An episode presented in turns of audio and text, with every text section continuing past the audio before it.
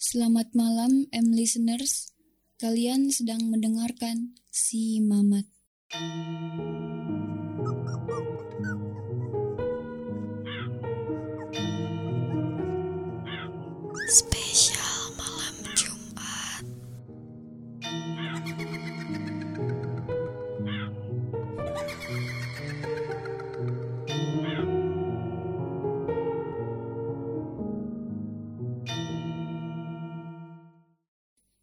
Adalah episode perdana dari M Radio yang bakalan nemenin lu dengan kejadian-kejadian mistis. Dan malam ini kita udah kedatangan M Nurse Nandi. Ya, udah ada Nandi di sini bakal nemenin lo dengan cerita-cerita pengalaman horor gua dalam episode perdana dari Si Mamat. Jadi gimana nih kabar lu Nandi? Eh, Alhamdulillah sepanjang hari, sepanjang minggu sehat-sehat aja. Udah siap nyeritain pengalaman-pengalaman mistis lu? Siap buat M listener bakal gue ceritain pengalaman horor gua yang mungkin bisa nemenin malam Jumat lo. Jadi tuh kira-kira apa sih yang lu lihat? Eh, jadi gini, kejadiannya sekitar 3 se- sampai 4 minggu yang lalu. Eh, jadi kejadiannya waktu habis hujan, kalau nggak salah gue bangun di malam hari sekitar pukul setengah tiga pagi. Jadi gue niatnya tengah malam itu gue mau nyari makan. Gue keluar nggak ada feeling apa apa, gue keluar niatnya ke warkop terdekat lah buat sekedar nyari cemilan karena gue lapar. Gitu. Terus pas lu lihat kejadiannya, lu ngapain tuh?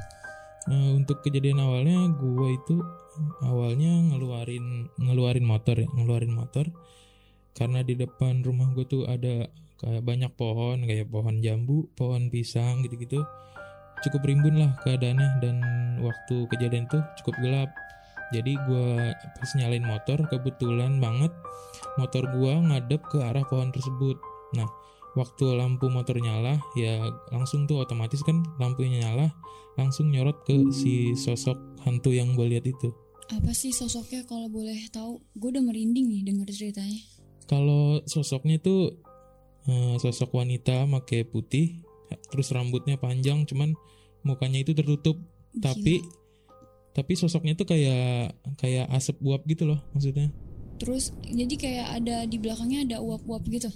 Eh, bukan di belakangnya ada uap jadi kayak dia asap dia ngambang. Kayak kayak ngebentuk sosok ini loh kayak kuntilanak gitu.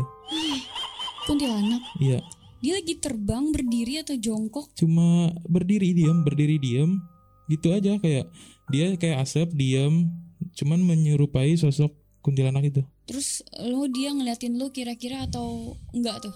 Eh gue sih mikirnya dia mungkin lagi ngadep ke gua tapi langsung aja sih gue nggak mikirin nggak mikirin buat gimana Gu- gua nggak mau mikirin buat mikirin dia lebih Kayak lama lu lagi gue enggak langsung gitu. mutusin buat cabut aja sih waktu kejadian gimana ya gua badan gua kaku gue speechless juga. Karena bingung karena gua yang gua hadapin itu gue mikirnya ini nyata atau enggak. Jadi gua nggak bisa ngelakuin apa apa yang bisa gue lakuin tuh yang bisa gua lakuin itu cuma diem natap sama bingung shock aja gitu pokoknya. Kabur yang penting kabur gitu. ya yang penting ngejauh dulu dari dia. Terus kalau pribadi lu nih, lu ngerasa keganggu enggak sih sama kehadiran kehadiran sosok-sosok kayak gitu? Kalau keganggu sih mungkin di beberapa situasi tertentu aja ya. Maksudnya nggak setiap situasi misalkan gua ngerasa ada dia ada sosok itu ada sosok gaib. Misalkan gua nggak ngerasa dia nggak ngeganggu tapi dia ada gua nggak bakal bermasalah. Jadi pas itu lu ngerasa nggak keganggu ya? ya karena ada ada keperluan lain ya gue biasa aja. Tapi tetap shock sih namanya kaget ketemu itu tiba-tiba Terus kalau lu ngerasa dia nggak mau gangguin lu, di- sosok itu tuh nampakin tuh kenapa gitu? Alas menurut lu ya, kenapa dia bisa menampakin diri dia tuh karena apa? ya Oh, karena malam.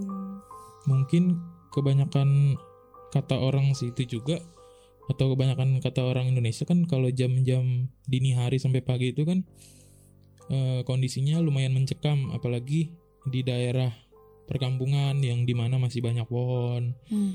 Dan pohon-pohon itu rimbun bisa jadi kan di pohon-pohon itu banyak penghuninya. Mungkin Oh. dia muncul untuk menunjukkan eksistensinya. Berarti bukan memperingatkan lu tentang dia ya, Bukan adanya dia gitu. hmm, Eh, di keluarga lu ada nggak sih keturunan yang bisa lihat makhluk-makhluk halus gitu sampai lo akhirnya ngerasain kondisi di mana lo ngelihat kayak gituan?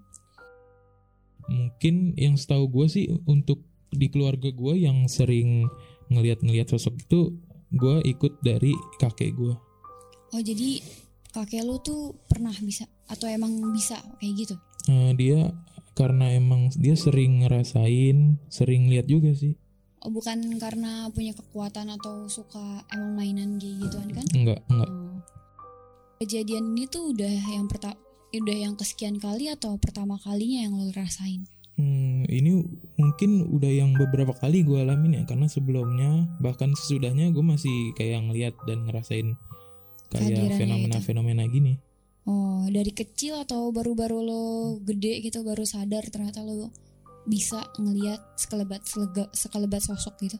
Kalau masa kecil sih gue nggak bisa ya nggak bisa kayak ngeliat langsung jelas. Hmm. Mungkin mulai-mulai gue masa SMA atau SMP sih gue udah bisa kayak ngeliat sekelebat sekelebat sosok gitu. Udah ngerti kalau itu tuh Ya. yang pantas dilihat gitu ya? Ya ada Oh. hal-hal gaib lah. Terus Nan, eh, kalau misalnya lo lihat-lihat kayak gituan tuh, lo tuh lebih memilih untuk cerita ke orang lain atau lo pendem sendiri gitu? Atau lo tunggu momennya kayak nantilah gue ceritain pas emang ada momennya kayak gini nih. Eh, tergantung situasi kalau kalau emang eh, abis ngeliat itu teman-teman gue lagi ngobrol ya gue nggak bakal ini maksudnya lagi ngobrol hal berbeda gue nggak bakal langsung cerita apa yang barusan banget gue alamin Hmm. mungkin nunggu waktu yang pas yang tepat misalkan kalau lagi ngobrol-ngobrol serius ngobrol-ngobrol soal horor ya Hmm. mungkin pengalaman-pengalaman gue gue share ke teman-teman gue saling sharing juga sih Terus lo pernah gak sih ngalamin kalau misalnya habis cerita lo langsung kayak ditegur gitu sama mereka, sama hantu-hantu itu lah? Hmm, untuk abis cerita gua ngalamin kejadian lagi gue belum pernah tapi setahu gua kalau kita nyeritain hal-hal gaib ke teman-teman kita energi itu tuh ikut nyamper ke tempat kita Iya gue dari tadi dari awal lo cerita udah merinding. Takut aja nih gue, untung gue udah sholat. iya untung masih ada wudhu ya Ada gak sih pertanda-pertanda yang lo rasain kalau eh, sosok-sosok itu tuh mendekati lo gitu? Nah, untuk untuk firasat-firasat atau pertanda-pertanda gua bisa ini sih bisa ngerasain misalkan untuk sosok Gondorwo pertandanya yang gua tahu sih eh, itu ada kecium banget santer bau kentang rebus itu untuk sosok Gondorwo Itu pernah nyiumnya tuh? Pernah. Sampai lihat gak? Nah, untuk ngelihat Gondorwo gua alhamdulillah belum pernah untuk tapi ngerasain pertandanya kalau dia itu ada gua sering Hmm, kalau pertanda lain yang pernah lo alamin tuh selain bau kentang apa?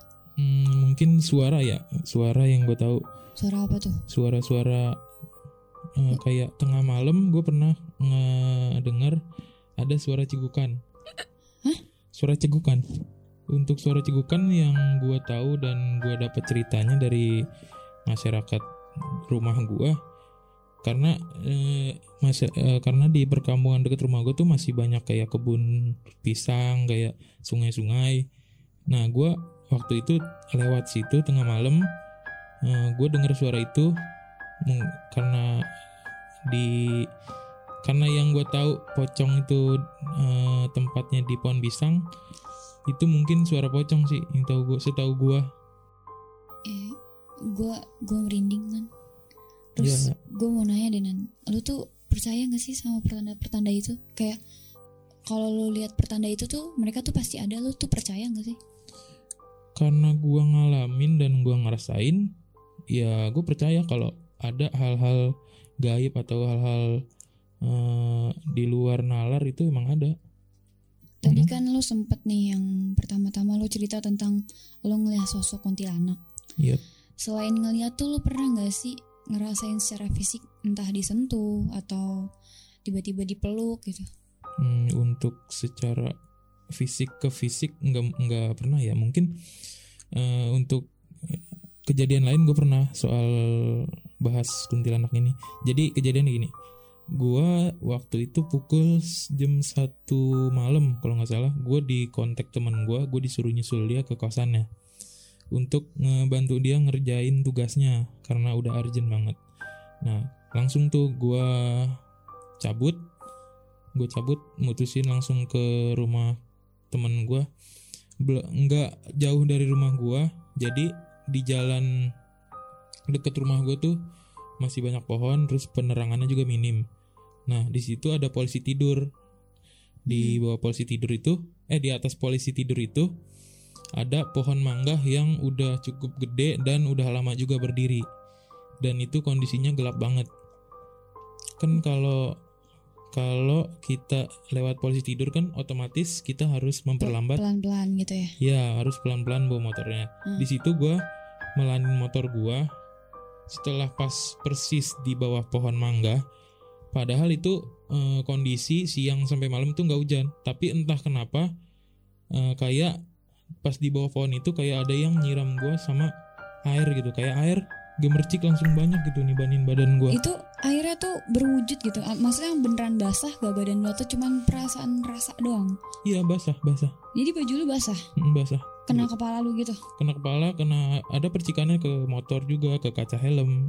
Ya Allah itu itu ada bau baunya gitu gak sih enggak sih untuk nggak bau cuman eh, aneh aja sih karena kan eh, itu nggak ada hujan ya maksudnya kenapa nyiramnya nggak ada faktor iya ya nggak ada faktor buat buat terjadi Mm-mm. ke- penyiraman kayak gitu Iya. kan terus lu langsung menyimpulkan gitu kalau misalnya itu itu tuh diapain kuntilanak gitu Nah, kalau gue sih karena emang gue pernah ceritain teman gue juga pernah kejadian dia dikencingin kuntilanak dan eh, untuk cerita untuk ininya kejadiannya sama persis apa yang sama gue alamin. Dia teman gue cerita ke gue sama persis apa yang gue alamin.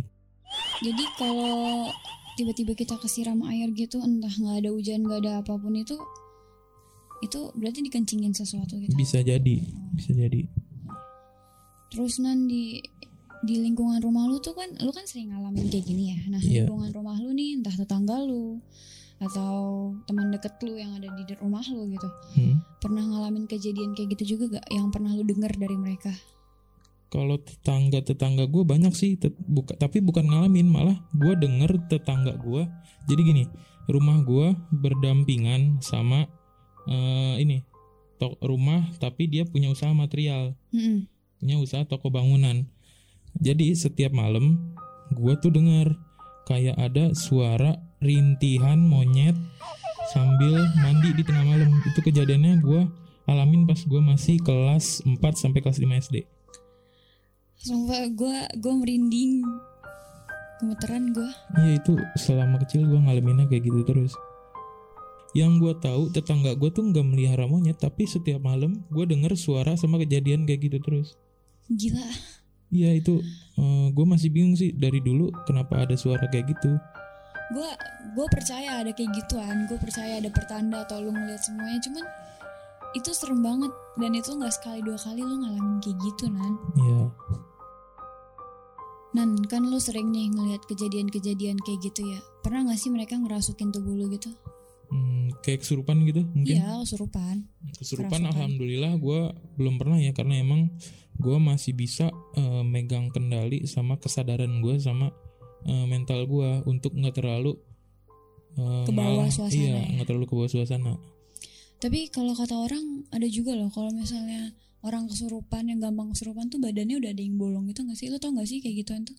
Mungkin ya karena emang hmm, jiwanya atau mentalnya udah pernah ini jadi mungkin ada celah buat dimasukin sama energi-energi dari luar. Oh berarti emang ada ya kayak gitu ya? Ada ada. Kalau untuk orang yang pernah kesurupan berarti nggak menutup kemungkinan kalau dia tuh nggak bakal kesurupan lagi, pasti bakal lagi kalau nggak kejaga gitu ya. Iya, yang penting tuh eh, yang gue tahu kita harus bener-bener megang penuh kendali atas kesadaran dan mental kita biar nggak dimasukin sama hal-hal yang mengandung energi-energi mistis, goib gitu. Yang gue tangkep dari tadi gue dengerin cerita-cerita mistisnya Nandi tuh Nandi tuh bisa ngeliat kayak gituan emang bawaan dari kecil dan lingkungan dia emang mendukung kayak banyak pohon. Terus yang kedua juga ini sih bawaan kakek. Katanya Randi kan kakeknya dulu juga bisa ngeliat-ngeliat kayak gituan. Iya benar kayak gitu. Uh, Oke Nandi, thank you udah berani sharing cerita-cerita mistis lo di program Si Mamat ini. Dan buat M listeners jangan lupa tungguin episode Si Mamat selanjutnya setiap malam Jumat jam 8 malam hanya di M Radio. Spesial malam Jumat.